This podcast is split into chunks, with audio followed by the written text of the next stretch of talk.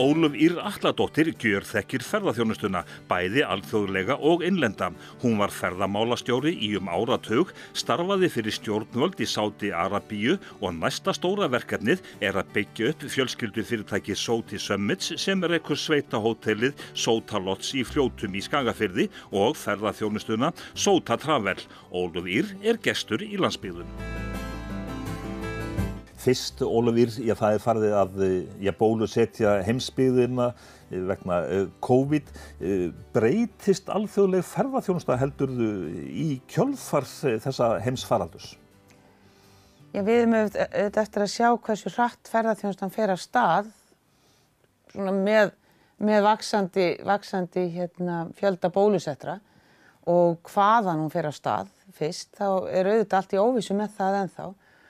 Uh, þar að ekki að þá verður áhugavert að sjá og ég reikna með allir að fólk verður svona frekar hissaði hvaða gengur hratt en, en hvaða gengur hægt hvernig flugfélög endur að sína starfsema því þau eru auðvitað í, í lamasessu og þau eru auðvitað að lífa ferðarþjónustuna en þar að ekki þá held ég að, að það er mikil umræða uppi um það hvort að eðli ferðarþjónustunar, ferðarframbóðsins þeirra krafna sem að gæsti gera til þess sem þeir eiga að gera og, og þa þa þar sem þeir eru að gista, hvort að þær breytist, bæði í þá átt að það veri lög meira áherslu á reynlæti sem að kannski gefur auga leið allavega svona fyrstum sinn eftir á og hvort að það verði langvarandi aukin áhersla á það sem við gætum kalla sjá, sjálfbærtnu ábyrg. Það er að segja að fyrirtæki síni fram á, uh, á með raunhæfum hætti ábyrð þeirra ábyrð sín í verki gagvart umhverfunu en ekki síður gagvart þeim samfélögum sem þeir, þeir byggja sína ferðarþjónus á. Af því að fólkið auðvitað í þeim löndum sem eru heimsótt eru auðlindir. Uh, það er gert, það er, er hortið þess hvort að fólk fari hægar yfir, vilja kannski dvelja á sama stað og ferðast út frá honum og þess að fólk muni uh, leita eftir svona einhvers konar auknum eða fjölgun á úrvali snertilausra úrlausna við svona þessar aðtapni daglegs lífs sem tengjast ferðalögum. Það að borga, það að, að hérna, hafa kort og ímislegt annað. Þannig að það verður bara forðilegt að sjá, í, semst, þetta verður semst, held ég, það munu einhverja breytinga verða á þjónustunni, á því hvernig upplýsingar og hvernig þjónusta er veitt svona þessi, þessi svona greiðslur og slíkt og svo mögulega á því hvernig fólk hagar ferðum sínum. Fer kannski færri en stærri ferðir og gerur aukna kröfunum þjónustu og sjálfbærni. En hvað með þetta að, að ferða langar ja, heimsæki frekar fámennari þjóðir? Ég kannski, ég veit ekki um fámennari þjóðir að því að auðvitað eru í öllum löndum vasar á stöðum þar sem er fátt fólk þráttur að þjóðin sé margmenn. En ég held að það séu einmitt tækifæri fyrir uh, áfangastæði innan landa og þá heil lönd líka, sjálfsög Ísland, Grænland, þessi, þessi svona strjálbílu lönd, það eru tækifæri þar vegna þess að fólk mun væntanlega sækja svolítið í svona það sem við getum kallað, ef við slettaðum svona exklusívitet, sko að finnast við vera svolítið einn og vera ekki í kraðakinu við Mónu Lísu eða, eða, eða hérna Æffelturnin eða hvað það er nú, vegna þess að fólk mun kannski vilja hafa meira rými í kringum sig, allavega til að byrja með, en, en við meðum ekki gleyma því heldur að þetta er þróun sem mun auðvitað sér stað og mér gruna nú að eftir einhver ár þá verður hlutir farnir, ég vonandi ekki alveg í samafarið hvað var þar ósjálfbærni og, og álag, en í kannski það að fólk vil ferðast meira og oftar. Að því að, að, að, að skamtíma minni fólks er, er talsveit stutt, hefur það sínt sig. Þú ég gjör þekkir ferðarþjónustuna, varst hefur ferðarmála stjóri í um það byrja áratug en núna ertu sagt nýkomin heim frá Sáti Arabíu og þar varstu með stort verkefni. Já, ég flutti til Sáti Arabíu í upphafi ást 2018 og var þar í þrjú ár, eh, kom bara heim núna í februar og vann í rauninni að tveimur verkefni þar, eh, semst á tveimur landsvæðum. Sátar eru núna í miklum ham að byggja upp ferðarþjónustu fyrir almenning, bæði alþjóðlega og ekki síst fyrir sinn innanlandsmarka sem eru auðvitað ansi stór. Og eru bæði þá að byggja á sinni lungu menningarafleið en líka í raunin að byggja frá grunni áfangastadi sem þá alveg bara skipulegja heil landsvæði sem eru að starfi við, við lítillöndi í Európu, eh, byggja upp hótel, þorp, vegi og allt frá grunni þar sem að kannski fátt eða lítið hefur verið áður.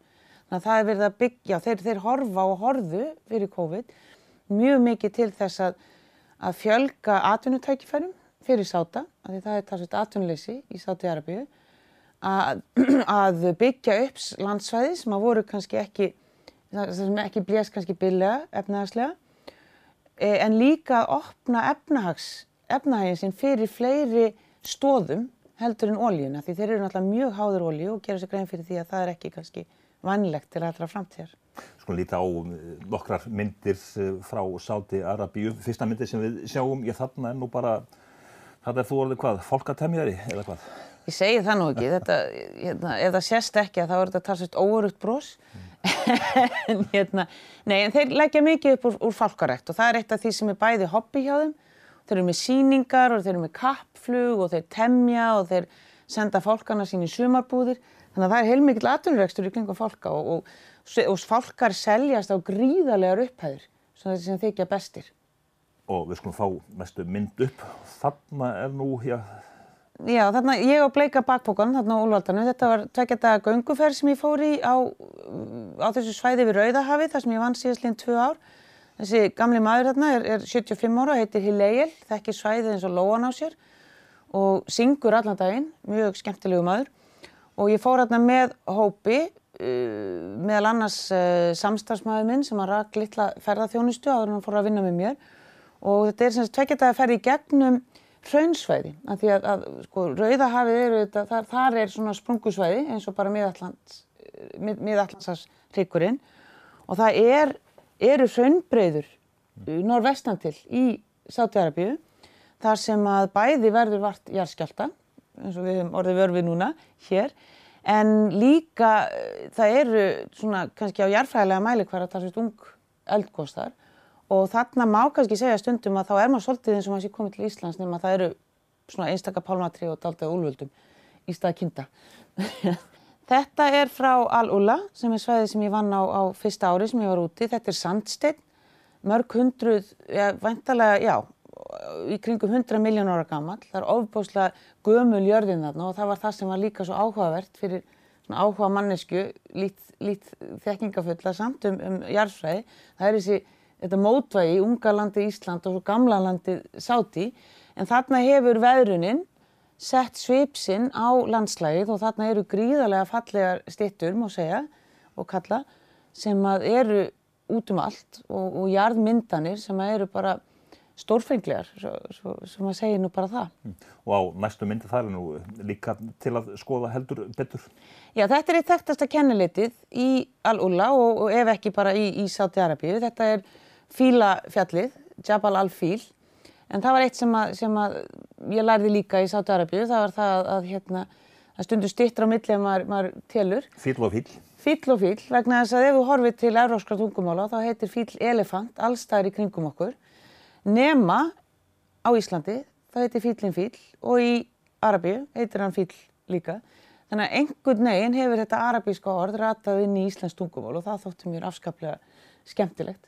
Svona ef maður rínir í þessa mynd, þarna eru hérna, já, tvær mannesku minnstakosti hérna undir fílum, þetta, þetta er gríðarlega stort. Já, þetta er stort þetta eru þessi sandsteinsfjöll þar sem að sandun hefur þjappast saman á, á gríðarlega löngu tímabili og svo hefur efnaveðrun og vind og, og veður komið og, og, og skapa þessar myndanir og það er svo merkilegt við fílaklettin að hann er eins og fíl, hvar sem þú horfur á hann.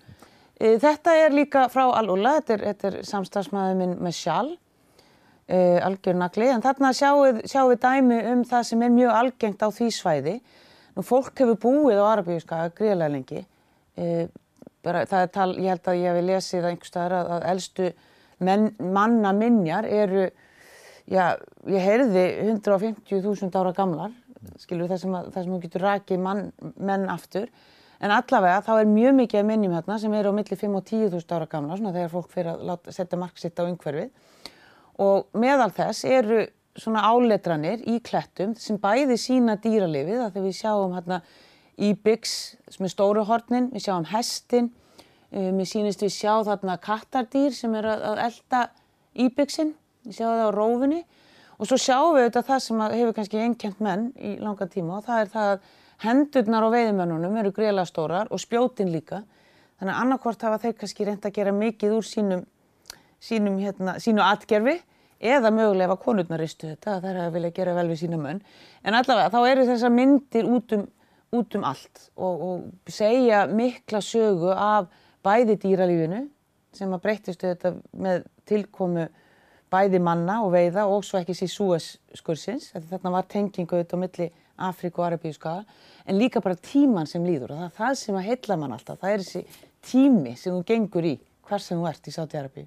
Og næsta mynd, hún minnir okkur líka á að tímin líður? Jú, jú, þetta er gamla, gamli bærin í Al-Ula. Hann var byggður upp uh, á 13. öld uh, og tók við af, af öðru bæjastæði sem er líka, sem er líka vel varðveitt, skamt þarna frá. Uh, þarna bjóð fólk frá 13. öld, snemma á 13. öld og síðasti maðurinn flutti út árið 1980. Þannig að það var búið þarna samfelt í, í, í hvað, 500 ár, nei 700 ár mm. og þessi, þessi byggð er í rauninni mjög skinsamlega byggðu upp, það eru sem ströngir vegir hérna en þú varst að þekka til til að geta ratað.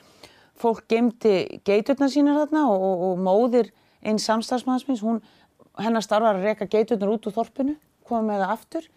E, það var hérna, ræstingin var mjög hugvitsamlega gerð og ímsar lausnir sem maður sá að menn voru að lifa svolítið í, segja, í tengslum við umhverfið. Þarna verður þetta mjög heitt á sumrin, það hittin fer vel yfir 40 gráður og svo getur orðið glettilega kallt á vetunar við frostmark og ég vil snjóa sumstæðar. Og á næstu mynd ég þá að þarna nú komið svolítið grænt. Já, þetta er, semst, Al-Ula er einn stærsti, einn stærsta vinin í Sáti-Arabi og þarna fyrir svona 7, 8, 900 árum síðan að það var vatn á yfirborðinu. Nú er allt vatn í Sáti-Arabi neðanjarðar í svona stórum neðanjarðar sko hólrúmum í rauninni sem er kallið aquafer á ennsku og en, en frá þeim eru þetta mikill raki sem að sprettur upp. Í Al-Ula eru 2 miljónir döðlupálma og döðlur eru í rauninni sko fyrir utan olju, stærsta, stærsta, stærsta útflutningsvara sáta og því miður að þá gengur mjög mikið á þessi vassból og stærstu hluti vassins í Sáti-Arabi er, er vatn sem kemur úr sjónum og er hreinsað af salti þetta er salinera, en það er eitt af þeim vandamáli sem að sátar þurfa að takast á við á, á næstunni, það er það að finna út úr í hvernig þeir alltaf koma einhvers konar jafnvægi á vassbúkskapin hjá sér. En þú og þeir eru komin heim núna frá Sáti Arabíu, e, það er verið að byggja upp ferðarþjónustuna og það kannski eftir villið svolítið rætt þá eftir heims faraldurinn. E, Íslensk ferðarþjónusta, hún var líka byggð upp svolítið rætt. E, er það kostur eða ókostur að, að fara þessa leið? Ég hef náttúrulega að eins og með mann, öll mannana verka þá taka hlutir sinn tíma, allt hefur sinn tíma má segja. Og uh, ég held að það eru ymsir hlutir og eins í, í Sátarabíu eru þetta gríðlega fjármunir oft sem, sem verka á hraða framkvæmda. Og auðvitað er þetta að flýta mörgum með peningum en ekki og stundum er það tíminn sem blífur, það er tíminn, það er þjálfunin, það er aðlugunin að nýjum aðstæðum og það þarf auðvitað að gerast í Sáti og það er það sem þeir eru að vinna í en eins og bentir á þá, þá liggur þeim á sátunum og okkur lág kannski svolítið á. Og ég held að að mörguleiti að þá auðvitað ógs umfang og umsvið ferðarþjónustunar auksu mjög hratt eh, hér á Íslandi frá árunum 2010 til 2020 má segja, svona gróðlega áætlað. Og ég held að það hafi verið ákveðin skortur á jafnbæi sem við vorum auðvitað öll að reyna að vinna að en verður kannski, en það er erfiðar um að, í að komast inn um að tala auðvitað þegar, aftur, þegar um er að ræða mannanaverk. Þannig ég held að, að eitt af því sem að, að því við vorum ekkert einum þetta, ferðarþjónustan ógs mjög hratt á, á heimsvísu, bara út um allt og það voru alls konar styr sem að fara að standa um hana bara mjög víða um heiminn og ég held að ef við lærum eitthvað af þeim tíma sem var fyrir COVID þá ætti það að vera svolítið að gefa okkur tíma hugsa og, við, og reyna að halda þessu jafnvægi milli atvinnugreinarinnar, e, þarfa samfélagsins og vakstar. Það er, það er ekki gott að vaksa í ójafnvægi og ég held að það er eitt af því sem að, uh, sem að mörg, margir áfangastar hafa lendi og, og eitt af því sem ég vona sátti Arabíu lendi ekki. En þegar þú svona ég horfir ofan á svona íslenska ferðaþjónustu og svo aftur svona bara glóbalt, eh, er ferðarþjónustana ekki í grunni, í raunum veru bara alþjóðleg? Er þetta að tala um hvað enkenni íslenska ferðarþjónustu? Er, er, er, snýst þetta ekki all, allstaðar um þið sama? Jú, að mörgu liti, það er alveg rétt. Þetta, er, þetta snýst um þennan ferðarvilja fólks og, og langanir fólks til þess að upplifa eitthvað nýtt.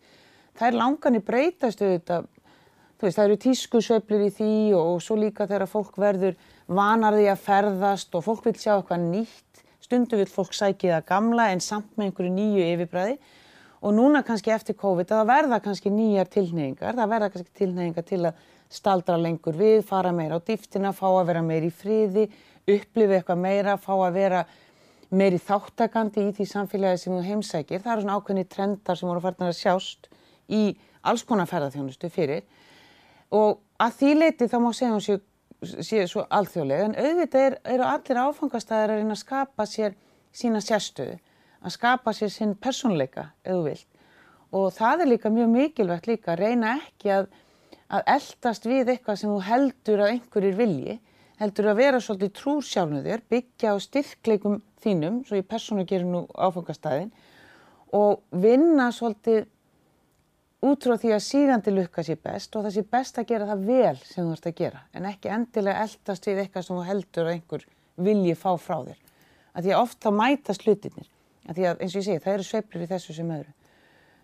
Það var til dæmis fyrir COVID talað um það að tveir stórir vakstabróta voru það sem er kallað luxusferðarþjónusta og ég er náttúrulega goldið svolítið varhug við svona, svona merkimiðum og hitt æfintræðaferðarþjónusta. Nú auðvitað það styrkleikar Íslands að það er, það er þekkt sem ævintýra land en ævintýrin eru líka á sviði menningar og þess að fara kannski út fyrir bóksið og þess að fara aftur á dýftina. Og það er að tala um þessa innri og ytri velíðan sem fólk sækist í að taka með sér úr sínum ferðalögum. Og svo er talað um það líka að, að ævintýra ferðarmannskan sjálf sem að sem var svona svolítið tengt þessu, þú veist, þú fóst í skítu á sokkan og muldur úr þeim á mótni og fóst svo upp á fjall og, og hjólaði svo lóðbind niður eða eitthvað, að það sem við köllum ævintýraferðarmennsku, það hugtak er að vikka út. Á meðan að það sem að kalla var luxusferðarþjónustu, það sem að svona, það er þessi sólhlífadrykkur og, og gullrúmfuttinn og, og hvað þetta heitir nú allt, þetta, þessir tveir ángar eru nálgast, þannig að fólk sem að á nóa peningum það er, var kannski minna að sækjast í þess að sem við kallum verallegu hluti og að sækjast í einhverju upplifun sem fáir geta þá státað sig að á meðan það voru gerðan aukna kröfur um þægindi og um öryggi og fagmennsku í æfintrafærið og ég held að á þessu svið til dæmis hafi Ísland mikla, mikla möguleika ef vel er haldið á spöðum. Og þá skulum við einmitt fá upp næstu mynd sem er nú aldrei ekki frá Sáti Arabíu. Þetta eru fljótin á Íslandi.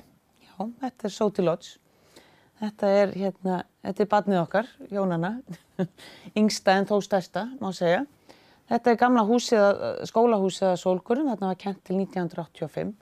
Við hjónin keiftum húsið 2015, svona þegar, þegar við vorum kannski fann að velta fyrir okkur hvað já, ég vildi verða því ég er í stór og þetta var svona eitt af því sem okkur langaði til að spreita okkur á. Það var að byggja upp gæða ferðarþjónustuð og hugsa hana svona svolítið heilstætt út frá þessari upplifun og út frá þessari tilfinningu um, um að, að það sé verið að hlúa svolítið að manni. Þannig að við eh, lögðum talsvært í þetta litla hótel okkar sem er með sjö herbergi og uh, leggjum mikið upp úr, úr personlegri og, og og góðrið þjónustu og hefur verið mjög heppin með okkar samstagsfólk í þeim efnum. Þarna sjáum við, það er sem sagt, eh, já, þetta eru fljótin og þarna við hliðina er sundlug eða hvað? Jú, þetta er gamla sveitalögin á Sólgörðum. Mm. Hún byggir á gamlu mörg, fyrsta lögin sem var byggð þarna var, hún var byggð 1895 uh, og vantalega af einhverju forfiðu mínu tekið þátt ég að byggja hana, ég er ættu úr fljótum og er mjög stolt af því. Uh, hins vegar þá er þessi laug, hún hefur þjónað byggðalæginu, diggilega, farna áratíu og er mikil, sé, mikil, mikil kjarni hjá fólki og fólk sækir og heimamenn sækja mjög mikið í hana áriðum kring. Og þarna geta krakkarnir hýst og leikið sér og, og hvernig sem færðin er og, hvernig sem veður er að það var hægt að vera í lauginni. Og við sömdum við sveitafélagi skafafyrði um að reka þessa laug næstu árin og höfum mikið metnað til þess að gera góða lög betri fyrir heimamenn en ekki síst fyrir gæsti vegna þess að auðvitað er lögin mikil auðlind fyrir okkur, okkar gistingu og okkar ferðarþjónustu. Við, við rekum líka hérna, ferðarskrifstofu sem að býður upp á alls konar ferðir, eh, fjallaskíðaferðir og gönguskíðanámskeið og kajaknámskeið og gönguferðir og, og ferðir á raf fjallahjólum og erum svona byggjum þessa heilstæðu ferðarþjónustu til að og nýtum þar tröllaskagan og fljótin ekki síst. Og þar eru þetta solgarðarleg hluti af því. Og þar sem þú getur þá komist í kynni við heimamenn par excellence. Já þarna sjáum við útsýnið úr einu herbergina á, á Sota Lodge, þetta er útsýnið yfir Haganesvík og þarna sést í Langhús fer ég held ég vonandi rétt með. Þar er reygin hestalega þannig að ég sjá að það er mikið frambóð af alls konar aftreyingu í, í fljótonum og já og þetta er bara það sem við erum auðvitað að selja líka. Það er þetta stórbrotna útsýni og þessi náttúrufegur sem er í, í fljótonum. Uh, þarna sér yfir austufjöllin í fljótonum. Það eru hvítað vetri og langtun á sumar og þarna sér maður oft skabla sem að gaman væri að skýði yfir hásumarið. Þetta er borðbúnarinn okkar, við erum mjög stolt af honum, hann er handgerður af af uh, keramiklistakoninni Guðrún Halldórsdóttur og hluti af því sem við bjóðum á Soda Lodge er að við seljum herberginu öll með morgunverði og þryggjarétta kvöldverði og leggjum svolítið upp úr því að sá kvöldverður sé bara ansi góður og höfum verið svolítið stolt af því hvað, hvað okkar menn í eldhúsinu hafa verið bara stórbrotnir og, og borðið góðan mat á borð fyrir fólk. Þannig að þetta á að vera þessi upplifun, þannig að þú skýðir á daginn og njótir þessara æfintýra sem að Tröllaskagi og fljótin bjóð upp á og komið svo í hlað á kvöldin, geti farið í laugina og notið þessa matar eftir svona dásemdar daga eins og, og Tröllaskagi neitt býður upp á. Þarna erum við komin yfir í sumari og þá eru líka margir möguleikar.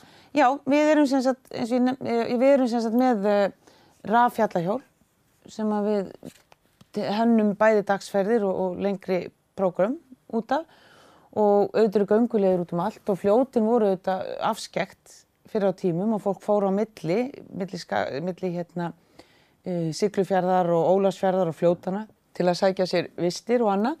Og þessa leiðir eru gengnar og hjólaðar á sumrin. Og eins og, og, og vötnin hérna benda til að það var hægt að vera hérna á kajak og hægt að vera á sjókajak og það er bara ótrúlegt ótrúlega fjölbreytni sem að, sem að fljótin bjóð upp á í útivist og svo líka þetta bara veljiðun af því að það að lappa yfir skarð þar sem engin annar er og, og lesa í lingið og horfa á hafi, það er náttúrulega bara gefur þér eitthvað inn í þér. En þið eru svolítið að fara af stað með þetta allt saman núna þá á fullt eftir heimsfaraldrun en svona, ég, þið eruð, ég væntalega þá að gera út á svolítið svona, ég, hvað ég má segja, betur borgandi ferðarmenn? Já, við við treystum því að, að þau gæði sem við bjóðum upp á uh, séu rétt verðlögð með að við það sem, eins og ég segi, það sem, að, það sem við erum að kosta til og það sem að, það sem fólk er að upplifa. Og ég hef alltaf haldið og, og talið að ef að þú, ef að, ef að væntingar fólks eru jafnaður með upplifuninni og rétt er verðlagt að þá er fólk ánagt. En jú, vissulega, þá, þá eru við að að treysta á það að fólk sé vilju til að borga fyrir þá þjónustu sem við veitum. Ég hef líka, það er annar merkimiði sem ég hef verið svona pínu skeftiska og það er þessi betur borgandi ferðamenn því ég held að fólk sé tilbúið að borga fyrir góða þjónustu, sé hún veit og ég held að Ísland hafi aldrei verið áfangastadur einhverja sem eru endilega leitast eftir því að borga minna fyrir þjónustuna heldur en hún er virði. Það er, það er alltaf þetta jafnvægi sem er mikilvægt. En þið reykir líka ferða skrifstofu. Hvernig er svona, sagt, svona fyrirtæki norður í fljótum á Íslandi sem er ekki stort á, á heimsvísu landið, hvernig er, er svona markaðsett? Já, við náttúrulega opnum á einum áhugaverðasta tíma í sögu ferðarþjónustunar á heimsvísu það er í mars á síðast ári og auðvitað höfum við sjálfisir ekki, ekki, ekki unni mikið af því að markasetja sóta og, og, og æfintýri sóta á heimsvísu vegna að heimurinn hefur verið lokaður. En vissulega þá eru, þá eru tækifæri til þess að markasetja svona, svona ferðir og, og þessa gistingu. Það er gríðarlegur áhugi og vaksandi áhugi. Ég nefndi æfintýra ferðarþjónustu áðan og hún er vakstarbrotturinn, einn helst í vakstarbrotturinn í ferðarþjónustu á alheimsvísu á undanförnum árum. Fólk sækir í það að geta notið góðs viðurgjörnings og einstakra æfintýra og þá í sjálfu sér er, er tröllaskagi ekki afskektur og tröllaskagi fyrir tilstilli áhugasamra og, og, og afspyrnu góðra manna á undanferðnum árum hefur verið að vaksa í hugum fólk sem áfangastæður æfintýra ferðamennsku og á bara eftir að gera það en frekar. Og við sáum það líka í fyrra á okkar gestum sem að voru Íslendingar fyrst og fremst. Við, við einhendum okkur í það að skapa áhugaverða vöru fyrir Íslendinga.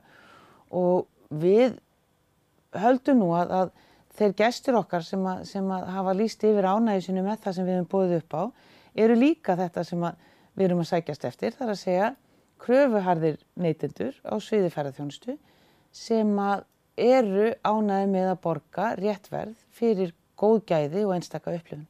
En þú býður vantalega eins og margur annar eftir að, já, að hjólinn fari að snúast eftir COVID? Að sjálfsögðu, ég held að að þetta eru mjög válegi tímar fyrir ferðarþjónustu, því verður ekki á móti mælt. Uh, við höfum verið að, að, að halda okkar starfsemi gangandi á undanförnum ári og höfum í raunin ekki notið neins tilstyrks að því eins og ég segi þá opnum við í mars 2020 og föllum þess vegna millir skips og bryggju öllum, öllum úrræðum hins ofinbyrra en auðvitað vorum við að byggja hótelið áður þannig að þetta er svona já, þetta, þetta, þetta hefur verið ansið töff stundum. En uh, allt klárt núna hjá okkur svona vantarlega? Allt klárt fyrir sumarið. Uh, við vonumst til þess að um hægist á alheimsvísu og býðum spennt eftir því að bjóða fleiri Íslendinga og erlendaferðarmenn velkomna í þennan dásendaritt. Og við bara býðum spennt eftir þessu öllu saman. Óluf Ír Alladóttir, þakka þér fyrir komina og gangið ykkur vel. Takk fyrir.